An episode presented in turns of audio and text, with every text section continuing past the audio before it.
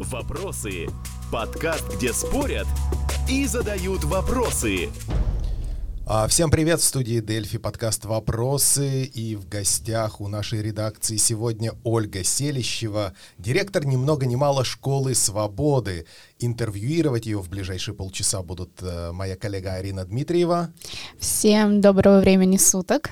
И я, главный редактор портала «Русдельфи» Андрей Шумаков. Ольга, добрый день. И сразу же первый вопрос. Школа свободы, что это такое? А, Добрый день. А, Школа свободы — это школа, которая откроется через два месяца, 1 сентября. Школа для э, украинских детей, которые в последнее время переехали, а может быть даже еще не переехали, но планируют переехать э, а, по э, известным нам причинам э, в Эстонию. А Много ли таких детей уже? Сколько заявок? э, Сколько придет школьников 1 сентября? Какое количество букетов ожидает директор? Э, Заявок э, много. Э, Уточню, что это школа для э, старших детей, то Так. есть э, третья школьная ступень с седьмого класса э, и э, гимназическая ступень, то есть с седьмого по двенадцатый класс. А, у нас даже так, я думала почему-то, что как бы идет сперва с первого по четвертый класс, потом с пятого по девятый класс, отдельная ступень, и только С потом... первого по третий это первая ступень, с четвертого по шестой это Окей. вторая ступень, и третья школьная ступень, да, заключительная в основной школе это с седьмого по девятый, и затем уже гимназия. Э, И вот э, школа свободы, она именно для старших ребят у которых э, не было возможности вот сейчас, да, начиная с марта месяца, учиться не в одной школе э, Таллина или, или вблизи Таллина, то есть э, в, в Харюма. А сегодня, на сегодняшний момент у нас, э, я вот как раз э, перед выходом смотрела, было 300, 328 заявок. Это много, мало, больше, чем ожидалось, меньше, чем ожидалось. Это, наверное, вот это прямо ровно столько, сколько мы ожидаем. То есть, э, как сейчас происходит э, подача заявлений, э, два раза в неделю приходят семьи, мы приглашаем их на место, где мы им помогаем не только с вопросами школы, но и, в принципе, с какой-то такой общей консультацией, да, где, где как, что можно, что можно найти, что, чем заняться детям летом, как начинать учить эстонский язык, многие, многие тоже спрашивают.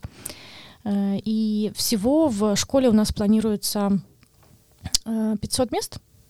Э, И вот сейчас, э, начиная с 1 июня, два раза в неделю мы эти заявки принимаем. Да? То есть вот на данный момент, получается, за месяц э, мы имеем э, 330 заявлений практически. А ты сказала, что это для детей, которые э, не обучаются в других школах Таллина или Хариума. Я правильно понимаю, что в Таллине и Хариума просто не хватает мест? Э, Да, детей э, очень много, и, и мы на самом деле до конца и не знаем, сколько, сколько их э, и сколько их будет еще. И школы Таллина, которые многие на самом деле и, и так переполнены, и в, в тех же районах Харьюма, да, где районы э, близ к Таллину, они постоянно растут, и там мест э, также не хватает, и поэтому, э, да, наверное, сейчас мы видим, что вот э, если э, всего выделено 800 мест. Э, Здание, которое у нас э, идет э, таким как бы э, в первую очередь в центре э, Таллина на Эндла 13, оно вмещает 500 э, человек, 500 детей. Вот, ну вот примерно, наверное, столько и получится. Но и э, мы не можем э, сказать э, какую-то дату, когда мы заявление, например, больше не принимаем. То есть мы понимаем, Мгм. что эти заявления будут июль, август и на, на самом деле и сентябрь, и октябрь. И, Ну, и- и конечно, так да, дальше. люди все равно будут пребывать, люди все равно будут пребывать с детьми, и дети будут разного возраст- разных возрастов. А как э, дела обстоят вообще с персоналом? То есть, э, как бы для, для того, чтобы 500 детей смогли учиться, необходимо э, нормальное такое количество преподавателей, помимо преподавателей еще и э, других работников, которые Ну, будут обслуживающий персонал, обслуживающего да. персонала, да. Да, то есть э, на самом деле действительно школу открыть э, с нуля, да, и где мы ищем, начиная от э, э, завуча, заканчивая э, э, на входе милые добрые женщины, да, и которые надо будут уточнить, встречать. что это очень короткие сроки для открытия школы. Э, да, на самом деле вот здесь, наверное, у меня были такие самые большие э, страхи, что ли. Э, я в системе образования достаточно давно. Я знаю, что такое э, найти э, учителя. Я знаю, что такое, когда его просто нет. И когда, э, не знаю, старшие дети преподают э, географию более младшим, потому что, потому что просто нету, э, нету преподавателя. Мгм. Э, Но э, сейчас э, я могу вот прям так, может быть, с радостью и гордостью сказать, что дела обстоят очень даже хорошо. Мы сейчас ищем в первую очередь персонал, который будет преподавать учителя, которые будут преподавать на эстонском языке. Э, Школа э, будет работать таким образом по формату э, позднего языкового погружения. Это Так. значит, что 60% будет э, обучение проходить на эстонском языке и 40% на украинском языке. И вот сейчас Именно мы- на украинском, не на русском. Да, именно на, э, именно на украинском. Э, вначале мы э, думали о том, что, может быть, это будет как бы три языка, да, три возможности. Но пообщавшись с семьями, пообщавшись с детьми, мы понимаем, что на самом деле они все учились на украинском языке. И им они говорят на русском языке дома, например, да, но э, учеба у них проходила на украинском, и они к этому, Мгм. и они к этому привыкли. Они Ну привыкли да. учиться на украинском. Какие-то термины даже элементарно, э, как бы если ты учился все время на одном языке, на похожем, как бы, на котором ты умеешь общаться, и уже информацию воспринимать так же сложно, потому что я вот, допустим, математику на русском языке я понимала очень хорошо, но когда придя в универ, мне надо было учить ее на эстонском, я не понимала, о чем вообще речь. Ну, то Без есть термины, да? термины, э, ну, как бы, мне кажется, суть здесь в терминологии по любым предметам, потому что она кардинально отличается. Эм, Да, да, и, и это тоже и, и грамотность, например, они знают, что они например, не, не, не, не пишут грамотно на, э, на русском языке, да, потому что у них эм, э, не было там такого опыта, да. Хорошо, но ведь у них нет привычки учиться на эстонском-то вообще. То есть они а, даже самых элементарных слов не знают, и тут 60% на эстонском языке, это же много. Эм, Да, это, это, это немало, но э, как мы будем это все обучение организовывать?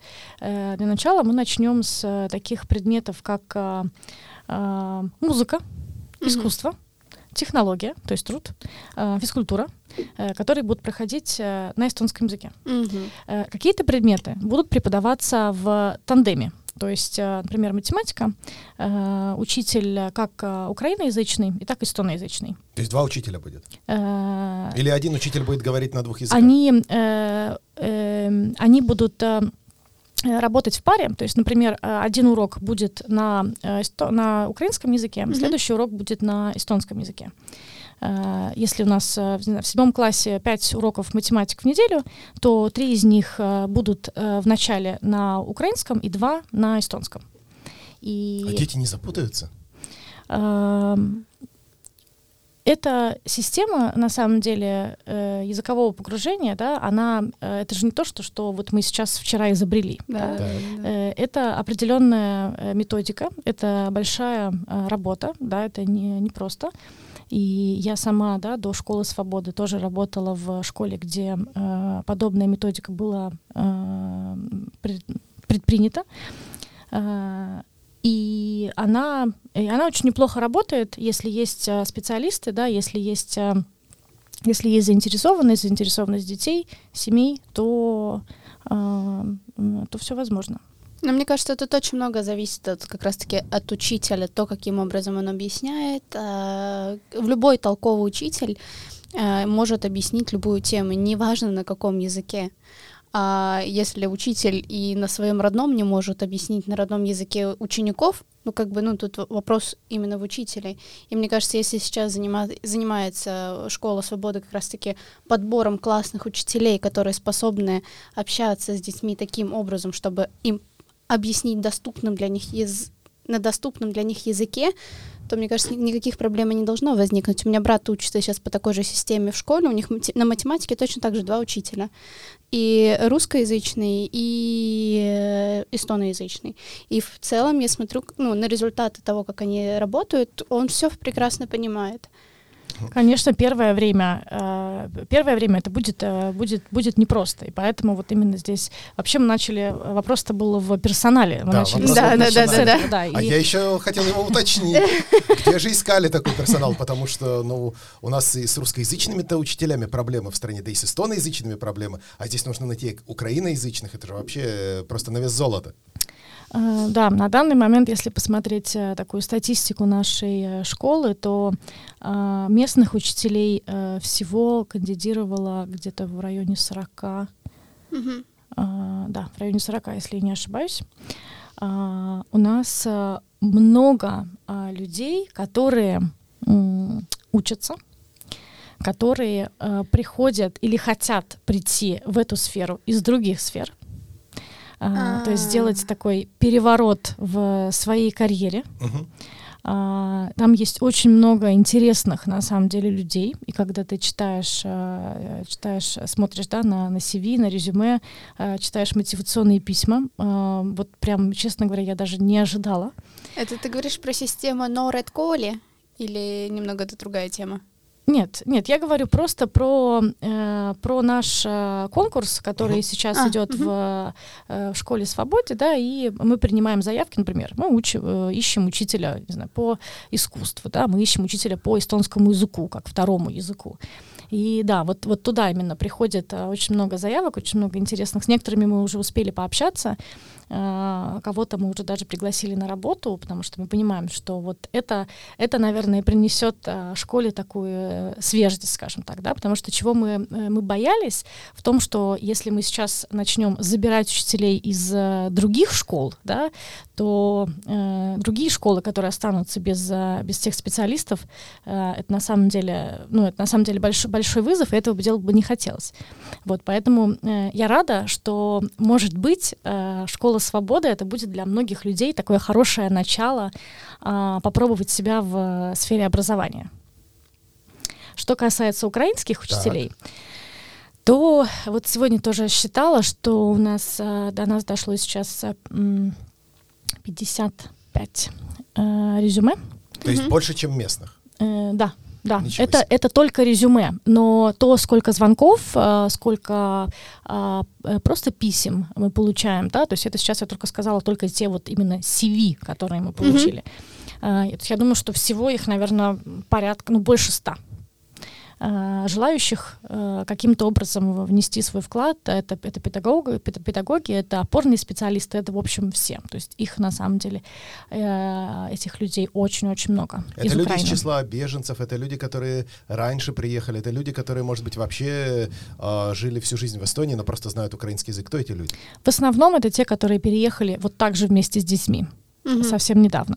Э, некоторые такие единичные случаи, да, это есть те люди, которые живут здесь уже какое-то время, они переехали там несколько лет назад, например, то есть они уже, в принципе, даже знают э, эстонский язык, да, и, в принципе, знакомы с нашей системой образования.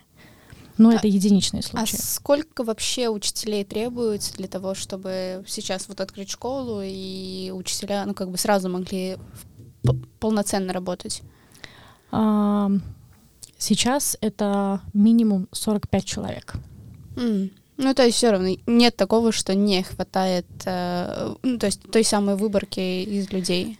Ну, естественно, на какие-то позиции, да, э, больше э, людей, на какие-то меньше. Э, Тот же самый, если мы говорим эстонский язык, да, мы сейчас рассчитываем, что нам нужно не меньше, чем 10 э, учителей по эстонскому языку, и у нас есть 10 кандидатов. То есть если кто-то из них, например, нам по какой-то причине не подойдет или, или Мгм. откажется в итоге сам, то э, персонала нам уже хватать не будет. То есть тогда должен будет э, опять идти следующий конкурс.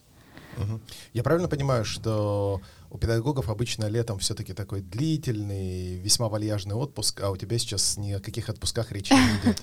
Да, ни о, какой, э, ни о каком вальяжном отпуске речи быть не может. И э, я сейчас не понимаю, почему рабочий день всего лишь 8 часов.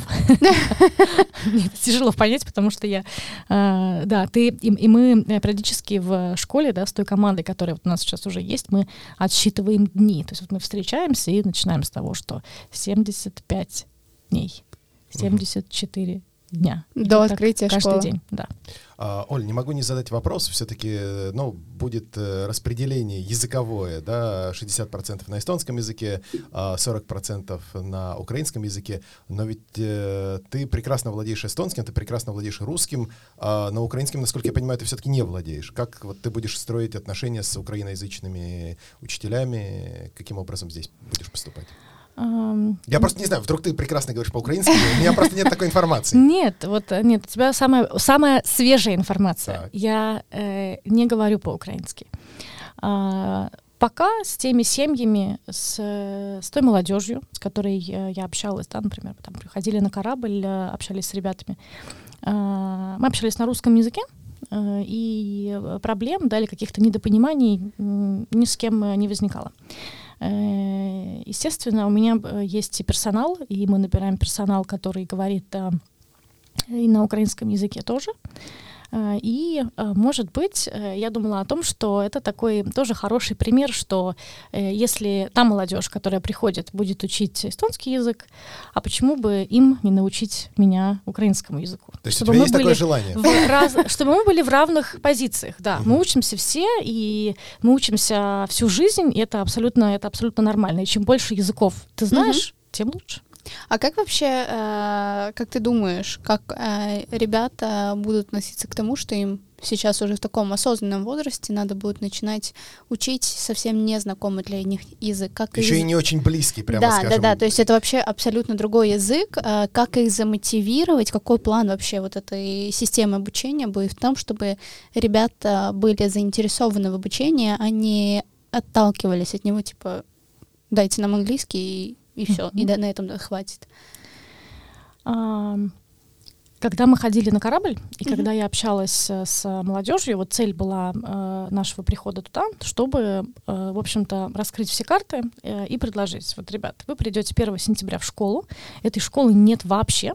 Давайте поговорим о том, э, что вы хотите, чтобы там э, было, и о ваших переживаниях. Вот вы действительно вы попадаете в абсолютно другую среду, в абсолютно Мгм. другую систему образования. Чего вы боитесь? И э, интересно, что э, ни один из э, детей Мгм. да, э, не сказал, э, что он переживает насчет языка. Мгм. А, у них есть любые другие переживания, э, не знаю, социального такого характера, да, это, это абсолютно, это новые школы, новая Мгм. школа, это новые дети, это новые классы, а кто, какие будут учителя, э, э, какие будут предметы, а вкусная ли будет еда. А вкусная будет еда? Это э, приоритет номер один, э, сказали нам дети, поэтому мы над этим тоже будем работать. Неважно, какое образование, главное, что вкусно ну, кормили. э, потребности, самые базовые потребности, да, они идут как бы с- с- с- самым первым, самой первой очередью. И а, про эстонский язык э, никто из них э, не упомянул в итоге.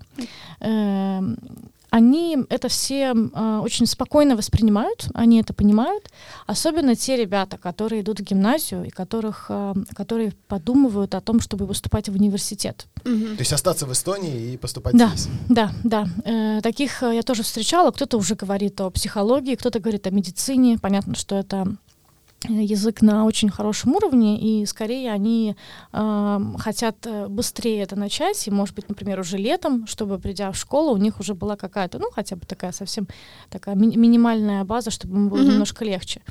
Э, Посмотрим, как, э, как это будет выглядеть на практике, да, и, конечно, очень много зависит от, уч- от учителей, и поэтому к, вот, к набору персонала, да, особенно учителей э, эстонского языка, это, ну, это такая как бы ювелирная работа, э, понять, чтобы эти ценности, да, и э, миссия школы, она, чтобы мы были на одной волне с этими учителями. Да, мне кажется, что в этом э, случае, когда подбираешь персонал, главное понять, э, ну как бы так же ли ценна идея для вот этого учителя, учителя, как и для самой идеи вот этой с- школы свободы. И- иначе, если учитель просто поступает ради того, чтобы быть учителем, именно в этой школе, мне кажется, возникнут трудности в любом случае. А, Мы начали говорить про язык, и у меня сразу возник вопрос. Все-таки это последние ступени обучения в школе. И у нас в девятом и в двенадцатом классе есть экзамены. И, по-моему, еще в 10, с 10 по, по 11 класс надо еще исследовательскую работу написать. А, как тут будет организована система? Люди, ну, дети не знают языка, а эстонский это один из обязательных языков, который надо сдавать на, в 12 классе на B2, если я не ошибаюсь, а в 9 на B1. Реально ли это подготовить э, ребят, которые вот сейчас пойдут в 9 класс и которые пойдут в 12 класс? Эм, на самом деле э, закон э, предусматривает в основной школе такую историю, что если ребенок живет, переехал меньше, чем три года назад, у него есть возможность сдавать, например, школьный экзамен mm-hmm. который соответствует его нынешнему уровню. То есть он не должен сдавать на уровень B1.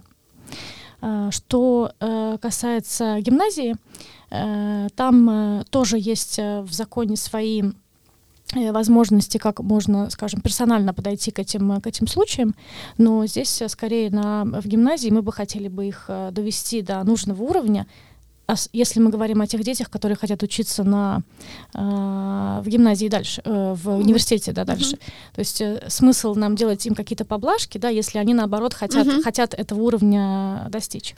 Э, я на своей практике э, видела э, разные случаи. А, я э, один э, в какой-то момент моей жизни занималась частной практикой преподавания эстонского языка. И я помню, что у меня была ученица э, которая приехала в балетную школу, и она переехала из России.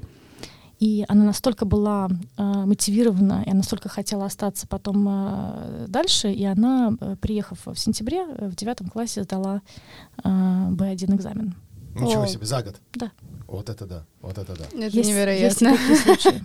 Да, поэтому основная школа, она предусматривает э, э, такую как бы другую историю, да, чтобы дети учились в своем темпе, и потом в гимназии уже уже достигли этого уровня.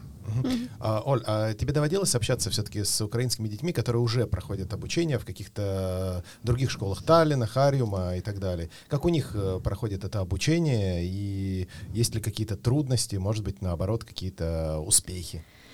Э, на самом деле, э, вот с э, этой категорией да, я не общалась, потому что в нашей школе мы-то заинтересованы в тех, у которых не было да, места в школе. Я общалась скорее с учителями, с работниками школы и с директорами, у которых уже есть украинские ребята. И в основном, что я слышала, это как хорошо э, класс принимает этих детей. То есть если эти дети оказывались да, в большом классе, э, и насколько э, ребята, которые местные, да, э, старались помочь не знаю, с какой-то там, э, начиная от того, как сориентироваться, да, в uh-huh. школе, как, куда идти в столовую, где гардероб, и заканчивая какими-то интересами, играми совместными и так далее. То есть э, я слышала скорее такие очень положительные отзывы. Uh-huh. А я правильно понимаю, что все-таки для адаптации многим украинским детям а, было немножечко проще, что в большинстве школ э, Таллина, ну или часть детей, или вообще русскоязычные школы, да, что по-русски все-таки кто-то говорит. Это проще для адаптации или наоборот, может быть, э, кому-то хотелось бы сразу уж погрузиться в эстонский язык, так погрузиться? Как тебе кажется? А, э, я вижу э, настолько разные э, интересы. То есть, действительно, кто-то, э, какие-то семьи, они очень бы хотели, чтобы это был русский язык, и они не готовы смешивать э, с чем-то еще, да, в данный момент, э, uh-huh. момент жизни. Э, может быть, да, например, они, зная своих детей, они понимают, что для них это будет, э, будет э, ну, нелегко. Э, кто-то очень э, целенаправленно приходит к нам, да, и говорит, что да, мы хотим, и вообще посоветуйте нам вот что уже летом делать, э, где учиться, как учиться, и кто-то уже даже рассказывал, что у него есть преподаватель частный, который занимается. Поэтому Чтобы здесь... как раз поступить в сентябре, а уже весной сдать экзамен на B1. Да, да, да, да, у кого-то есть уже такая мотивация, поэтому это, наверное, все очень индивидуально. А скажи, пожалуйста, а вот, э, ну, может быть, такой немножечко мелкий, детальный вопрос. А все-таки система образования Украины и Эстонии не совпадают. Они не совпадают даже по количеству лет э, обучения в школе. Но а... сейчас уже совпадают. По, насколько я слышала, говорила с одной девочкой из Украины, так. она вот как раз-таки в этом году она сдавала все экзамены дигитально в 11 классе, но она сказала, что вот в следующий уже год пойдут 12 классов. Э, в Украине? Да. Ну, я об этом не знаю, по крайней мере, было в Украине образование на год меньше. Да. То есть э, учились меньше, и программы, наверное, тоже не совпадают. Вот как с этим быть? Э, Да, э, здесь на самом деле э, огромная благодарность э, нашему Министерству образования, которое э, проделало большую работу э, о том, чтобы э, у наших учителей была возможность э, понять, э, что знают дети на том или ином уровне, в том или ином классе в Украине, да, и, и, и что они должны знать здесь, то есть сделать такой как бы сравнительный, сравнительный анализ. Эм, И действительно мы видим, что, например, какие-то предметы начинаются раньше, да, если у нас э, химия, физика начинается в восьмом классе, то она у них начинается в седьмом классе, и, ну, а мы начинаем с, с той же химии, да, седьмой класс, то есть, получается, для них это уже будет, в общем-то, зна- знакомый материал. Э, Вот, поэтому э, это, это большой вызов, это большой вызов для учителей, но главное, что у нас есть вот этот сравнительный анализ, да, и мы всегда можем посмотреть, что, что знают дети там, и, и, и- как мы нашу учебную программу можем тогда наложить на то, что они уже знают. Но это не просто, это, это факт. Но я думаю, что мы просто обязаны 1 сентября прийти. Да, да, да, да, да. Все это не только сфотографировать, запечатлеть, но и посмотреть в эти лица украинских школьников, которым придется 60% своей программы теперь получать на эстонском языке. Может быть, у них мотивация а, изменится, и главное, приоритеты с э, еды в столовой все-таки э, поменяются на языковые приоритеты. Но оно же- Зная оно- подростков, Нет, нет, не изменится еда, это все. Но оно же важно, если будет хорошая еда, и ты потом с хорошим настроением идешь на урок эстонского Да. языка, и там получаешь колоссальное А удовольствие. и если еще радость. учитель какой-нибудь печенюшкой подкормит, так вообще прекрасно. Да. А, коллеги, мне бы хотелось еще о других э, школьниках поговорить. Вот э, прошли очередные тесты языковые, и как-то снова дела не очень здорово у русскоязычных школьников Эстонии. А, Оль, ты как человек, которая занималась очень много внедрением эстонского языка в головы русскоязычных школьников э, страны, а, что делать? Ну, правда, ну вот э, 30 лет э, страна независима, и вот такое впечатление, что как будто мы все еще топчемся на месте, и вот опять не все знают эстонский язык хорошо, опять там школьники в начальной школе заваливаются на экзамене А1 и так далее, и так далее, и так далее, как будто мы вот ходимся по кругу, по кругу, по кругу, как этот круг разрывать-то уже? Да, я, честно, вчера как-то так прям расстроилась, когда я э, эти результаты по экзамену увидела. Расстроилась в целом. Даже не только эстонский язык, но как-то меня расстроило все. И математика, Мгм. ну даже эстонский как родной, на самом деле, тоже там был э, такой как бы ну, не, не очень высокий результат. А, Что касается э, внедрения, э, как сказал Андрей, эстонского языка в головы школьников,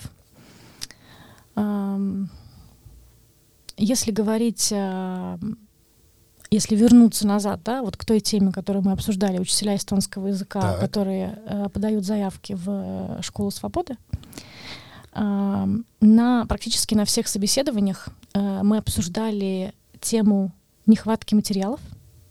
И, например, мы в той же нашей школе мы не знаем, какие материалы мы будем использовать, потому что их нет. Это и э, здесь, наверное, нехватка, да, вот когда я б, преподавала в старших классах, да, в гимназической э, ступени, в принципе, я все собирала сама. И это, это, это, это непросто, это, за- это забирает а, большое количество времени, да, потому что почему я делала это сама? Даже есть э, если есть какие-то учебные материалы, по которым училась я, да, э, ну, конечно, там не 80 лет назад, но какое-то время назад, и там, где цены еще в кронах написаны. Мгм. И ты понимаешь, что если, если ты хочешь сделать э, урок э, интересным, если ты хочешь э, взять там ту или иную тему, да, например, не знаю, сфера образования, да, проходится в гимназии, если ты хочешь как-то заинтересовать, то тебе нужно смотреть, что актуально именно сейчас, да, это какие-то статьи, это работа с этими текстами, эти тексты нужно все переработать, под них сделать какие-то задания.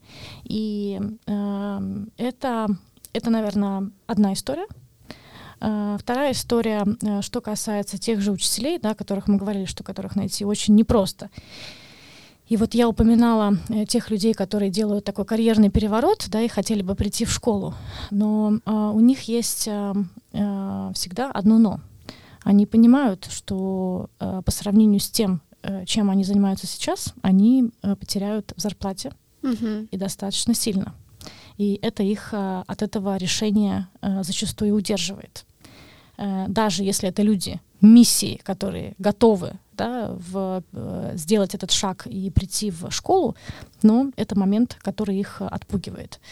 Они понимают, что это большая работа, они понимают, что они будут составлять те же самые материалы, а какой-то э, момент там э, дополнительной работы вряд ли они могут себе позволить. И это то, почему, наверное, многие э, люди, которые могли бы дойти до школы, до нее не доходят.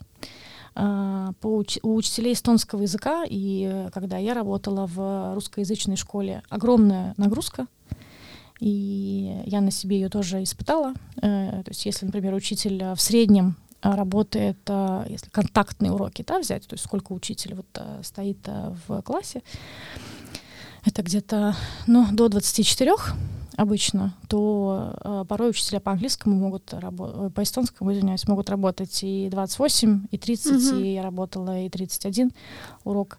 А, В просто- неделю. Да, э, просто потому что, э, потому что есть дети, и некому их взять. Мгм. А, И я работала в школе, да, которая находится в столице, которая находится в центре города. А, Я боюсь представить, э, что происходит в маленьких городах, например. Ну, я вот родом э, из Кохлоярви, э, полностью русскоязычный э, городок. Э, И до девятого класса, допустим, у нас преподавал, э, даже не до девятого класса, до десятого, э, русскоязычные учителя. И вот в десятом или в одиннадцатом классе, я точно не помню, точно до двенадцатого класса у нас преподавала учительница, ее звали Упатая Катре. Прекраснейший учитель. Вот как раз-таки речь о То том, есть что... э, я правильно понимаю, что придя на урок в 11 классе, ты поняла, что ты не говоришь по-эстонски? Нет, э, у меня Что была... не понимаешь, Катра. Нет, я- все понимала, у меня другая история, я себя заставляла погружаться в эстонскую среду, чтобы учить язык. Но именно дело было в преподавании, то, как она преподавала этот эстонский язык, как она объясняла все темы, у нее вот был именно подход неформальный. И вот благодаря ей я, помимо того, что начала понимать, как э, вообще ну, происходит грамматика, Мгм. так еще и мы начали говорить с ней. Постоянно, каждый урок мы с ней говорили на эстонском языке, А, но, к сожалению, вот таких учителей, их ну, по пальцам сосчитать можно, сколько их можно найти вот именно в маленьких городах. И мне кажется, да, это еди- э, ну, одна из самых главных причин, почему вот э, водовирумы не так сильно хотят говорить, говорить на эстонском языке. Ну, у тебя нет, эм, да, такой, может быть, какой-то прямой мотивации, да, Мгм. это, это делать, и этой, этой самой языковой среды, потому что если мы говорим о э, школе, понятно, это там 5 уроков в неделю, но что такое урок? Это 45 минут. Да, это 45 минут, которые ты э, отучился, да, ты, погрузи, ты погрузился, и все. И на этом все погружение закончилось. То есть, э, на самом деле, это э, язык, это же, это, это же не урок, это, это, это гораздо больше. Мгм. И здесь э, тоже где-то задача э, учителя, да, какие-то другие возможности предлагать, хотя бы рассказывать о них, да, показывать эти возможности. Но если возможностей этих в городе нет, или если у учителя просто нет сил еще э, Что-то делать выдумывать. какую-то, да, какую-то неформальную деятельность, да, помимо уроков, а зачастую этих сил действительно нет, то вот они остаются на уровне 45 э, минут в неделю, 45 э, минут урок и э, Ну, вот это и так- очень и- и, мало. так несколько раз, да. Это Оль, ну а вот на мало. протяжении твоей карьеры как-то ситуация меняется в лучшую сторону, хотя бы как-то? Или не особенно? Эм, вот, наверное, мне бы хотелось сказать, что меняется, но, наверное, наверное, я этого не вижу. Вот пока я этого не вижу. Э, недавно мы делали один э, проект с ребятами русскоязычными и эстоноязычными. На мой взгляд, э, очень действенная, хорошая история, когда ты приводишь, просто берешь одних школьников, берешь других школьников, и давайте, не знаю, пойдем вместе в театр, э, э, в экситрум, да куда угодно. И э, там у нас были русскоязычные школьники, и э, когда я увидела или услышала э, их э, знания да, эстонского языка, которые были, к сожалению, очень-очень э, э, слабые. И, и вот мне, мне, у меня мелькнула мысль на секунду. Э, мне, мне как-то настолько стало э, обидно, что ли. И я думаю, господи, может быть, по, пойти самой в школу и и, и, и преподавать, да, потому что вот я в какое-то время сейчас от этого, от этого отошла. А, вот у меня на секунду была такая мысль, потому что мне стало действительно ребята, которые, которые хотят, и которые хотят и пойти дальше в гимназию, которые хотят, у них есть какие-то амбиции, mm-hmm. но им настолько было тяжело, и потом я разговаривала с э, работникам этой школы о том, что вот, вот о том, что я увидела, да, и как-то поделилась своими переживаниями. И э, она мне, в общем-то, ответила вот э, то, о чем я говорила, о больших э, нагрузках. Да. Есть учитель, учитель, который уже на пенсии и который ведет вот рабочая тетрадь, страница 5, упражнение 14, угу. и, и поехали. И учитель, который ждет уже, когда он наконец-таки пойдет на заслуженный отдых. И, и это грустно. И мне прям стало очень грустно. Поэтому каких-то таких больших перемен в русскоязычных школах я, я, я не увидела. Ну, вот такая грустная нота у нас для окончания подкаста, но время наше подошло к концу. А, дорогие друзья, у нас в гостях была Ольга Селищева, директор школы «Свободы». С вами в студии были Арина Дмитриева и Андрей Шумаков. Это был подкаст «Вопросы». Слушайте нас на всех платформах. Читайте портал э, rus.delphi.ee. Э, всем пока. Наступают длинные выходные. Ура! Давайте всех хорошо отдохнем. Будем говорить на эстонском, русском, украинском и всех остальных остальных доступных нам языкам, языках. Всем пока. Всем спасибо. Пока. Вопросы. Подкаст, где спорят и задают вопросы.